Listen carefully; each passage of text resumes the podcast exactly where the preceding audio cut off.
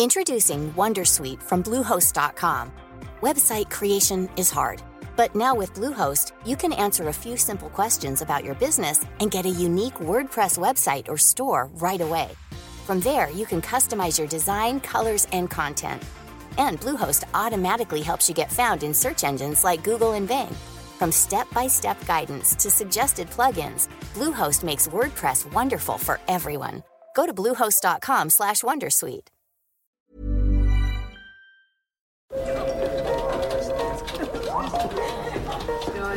Dette er lyden av norsk næringsliv. Akkurat nå tas det små og store valg som kan bli avgjørende for fremtiden. Med økonomisystemet X-Leger tas disse beslutningene basert på informasjon i sanntid, slik at drømmer og ambisjoner kan bli virkelighet. Få kontroll og oversikt, gå inn på xledger.no. Denne sendingen er sponset av Xleger. Velkommen til Økonominyhetene og vår morgensending mandag. I dag skal vi se nærmere på hva som har skjedd på de asiatiske markedene fra morgenen av. Vi skal også se på utviklingen i oljeprisen, før vi selvfølgelig skal innom Oslo Børs og de ferske koronatallene for Norge. Men først til Asiabørsene, og her var det god stemning mandag morgen. Japan endte Nikki 225 opp 0,6 mens den bredeste Topic steg 0,5 Hang Seng i Hongkong endte opp 0,4% mens CSI 300 Kina steg 0,8 Vi skal til uventet eksportvekst i Singapore. And we know that no days can be pretty volatile, but again, uh, the numbers that we're seeing are not altogether terrible.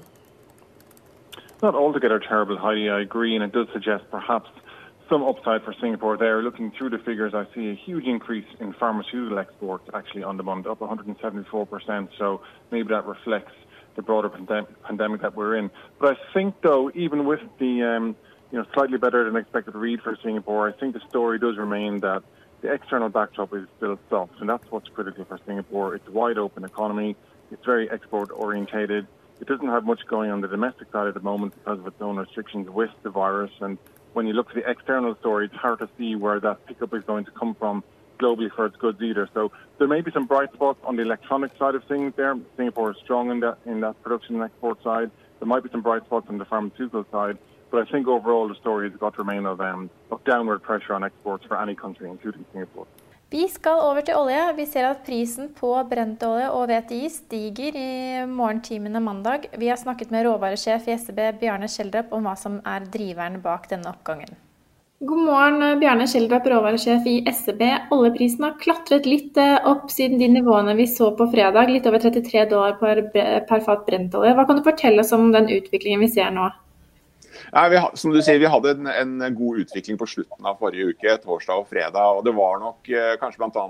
Eh, eh, Internasjonale energibyrået sin, sin rapport og, og, deres fokus på etterspørselen, hvor de da så at etterspørselen eh, i, eh, i, juli kommer til å være kanskje bare 6-7 millioner fat under fjorårets.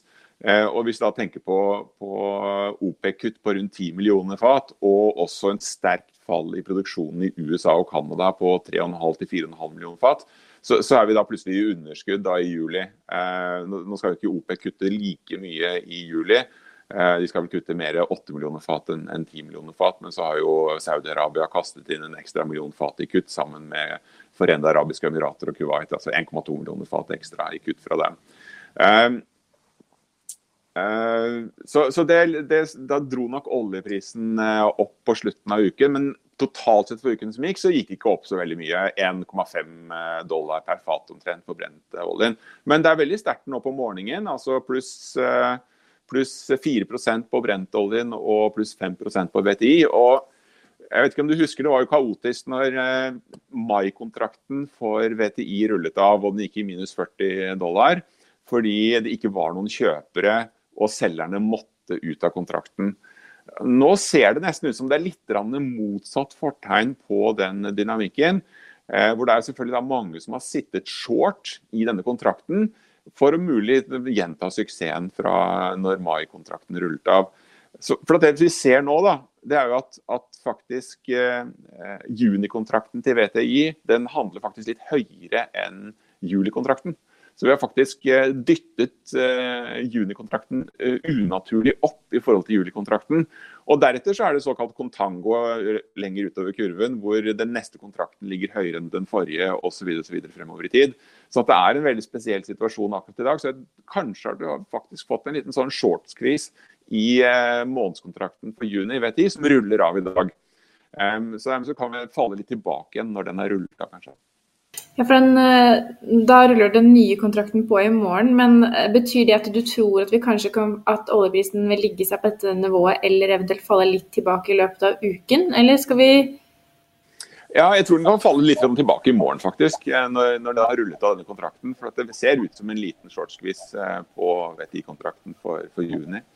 Um, og så er det jo det at Når vi da tenker på de prisnivåene vi har kommet opp på nå, med VTI-kontrakten på 30 og brent på 33, Eh, så vet vi at det er, det er mange av de oljebrønnene som i USA de har jo blitt fysisk stengt. Det er ikke bare natural decline, hvor, hvor produksjonen faller fordi man, man, slutter å investere og slutter å bore. Eh, man har faktisk stengt brønnene. og Det er ganske lett å åpne dem igjen. Så man har da liksom en, en stor, stor eh, buffer med med oljebrønner som kan åpnes på kort tid når prisen tillater det. Og det vi ser da, det var jo Et problem allerede i slutten av mars var jo at de lokale prisene rundt omkring i USA innenlands, de var jo bare 3-4-5 dollar. Ikke sant? Og lå langt under VTI-kontrakten. Eh, men nå ser du at de, de lokale fysiske prisene i, rundt omkring i USA de ligger på linje med VTI-prisen. Rundt 30 eh, dollar. Eh, så Det gir jo et sterkt insentiv til å åpne. Men jeg tror eh, produsenter vil være forsiktige med å åpne for mye for fort. for Alle er klare for at det er et, eh, et marked med veldig mye olje på lager. Og, og, ikke minst også veldig mye oljeprodukter på lager. Så på kort sikt så må vi fortsatt vente oss noen svingninger på oljeprisen, men vi skal mest sannsynlig ikke ned igjen på de skrekknivåene vi så Nei, det, det, er ganske sikkert. Vi skal nok ikke det. Man ser at, at OPEC har kuttet veldig aggressivt og veldig effektivt. Og man ser også at man har mistet betydelig produksjon utenfor OPEC. Og hvis da etterspørselen, Vi ser da etterspørselen faktisk kommer ganske hurtig tilbake. Vi så bensinlagrene fortsatte å falle forrige uke. Og levert bensin til bensinstasjonene fortsatte å stige forrige uke i USA.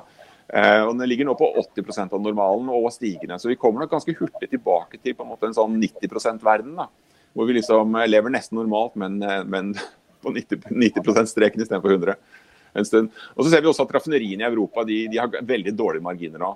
Altså, Råoljeprisen har gått kraftig opp, men produktprisene har ikke gått tilsvarende kraftig opp. sånn at De fleste raffinerier i Europa kjører med nå negative marginer for de fleste råoljer. Og Det er klart at det demper etterspørselen etter råolje fra raffineriene. Vi skal til Oslo Børs, og det er en positiv åpning på Oslo Børs i dag som stiger mellom 1 og 1,5% akkurat nå.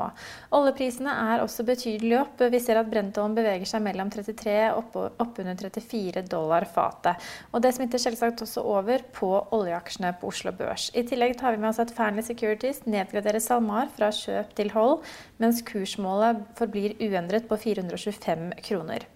Lundin Energy senker produksjonsestimatene som følge av statens produksjonsbegrensninger. Og vi hører at PGS begynner seismikkundersøkelser i Øst-Canada i juni. Vi setter over til analytiker i Nordnett Roger Berntsen for en børskommentar. Oslo Børs åpna opp 1,3 i dag. Det var mer eller mindre i tråd med hva vi venta halvannen time før børsåpning. Det er to ting som preger markedet positivt. Det er det at stemninga i Asia har vært god i løpet av natta. I tillegg er oljeprisen betydelig høyere enn det den var før helga. Oljeprisen preges positivt. På den ene sida er etterspørselen gradvis stigende, eller gradvis blitt bedre, som en følge av flere land nå igangsetter sine respektive økonomier. I tillegg så begynner disse her ekstreme produksjonskuttene å gi seg utslag på, eh, på markedsbalansen på kort sikt. På lengre sikt derimot så er oljeprisene vesentlig høyere enn det de er i dag. Det betyr markedet er fremdeles i kontango. Og det er til syvende og sist, når en skal verdsette disse store oljeselskapene, så er det prisen frem i tid som er avgjørende. Ellers er det jo eh, det viktigste å trekke fram fra helga. Det var at eh, USAs sentralbanksjef Jerome Powell i et intervju med CBS på programmet 60 Minutes så uttalte han at han ikke trodde at eh, amerikansk økonomi gikk inn i en ny depresjon, på tross av at ledighetstallene er på like ekstreme nivå som de var på 30-tallet, altså for 90 år siden. Eller så forventer han òg hvis ikke smittebølga nummer to skulle bli stor, så forventer han da at gjeninnhentinga av amerikansk økonomi ville bli god i andre halvår. Men han understreker eh, at en eh, effektiv medisin eller vaksine mot covid-19 er avgjørende for at vi skal komme tilbake på de gamle nivåene, altså før virusutbruddet. Så i bunn og grunn så er det fremdeles sånn det tro og håp eh, blant eh, aktørene i aksjemarkedet. Akkurat i dag så er stemninga veldig positivt, og i alle for Oslo Børs vil jeg bare fremheve det at høyere oljepris det er alfa og omega for Oslo Børs. De ferske koronatallene for Norge ser sånn ut akkurat nå. Vi har 8250 testet og bekreftet smittet av korona. Vi har 51 innlagt på sykehus, og vi har 232 som er døde. Vi minner om at vi er tilbake med vår ettermiddagssending klokken 15.30. Da er også Trygve Hegnar med i studio. I tillegg så er vår morgensending tilbake i morgen tidlig klokken 10, og du kan følge vår løpende nyhetsdekning på finansavisen.no.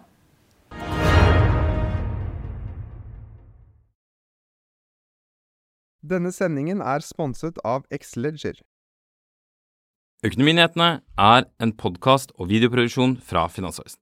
Programleder er Marius Lorentzen. Aksjekommentator er Karl Johan Molnes. Produsent er Bashar Johar. Podkast- og videoansvarlig er Marius Mørk Larsen. Og ansvarlig redaktør er Trygve Hegnar.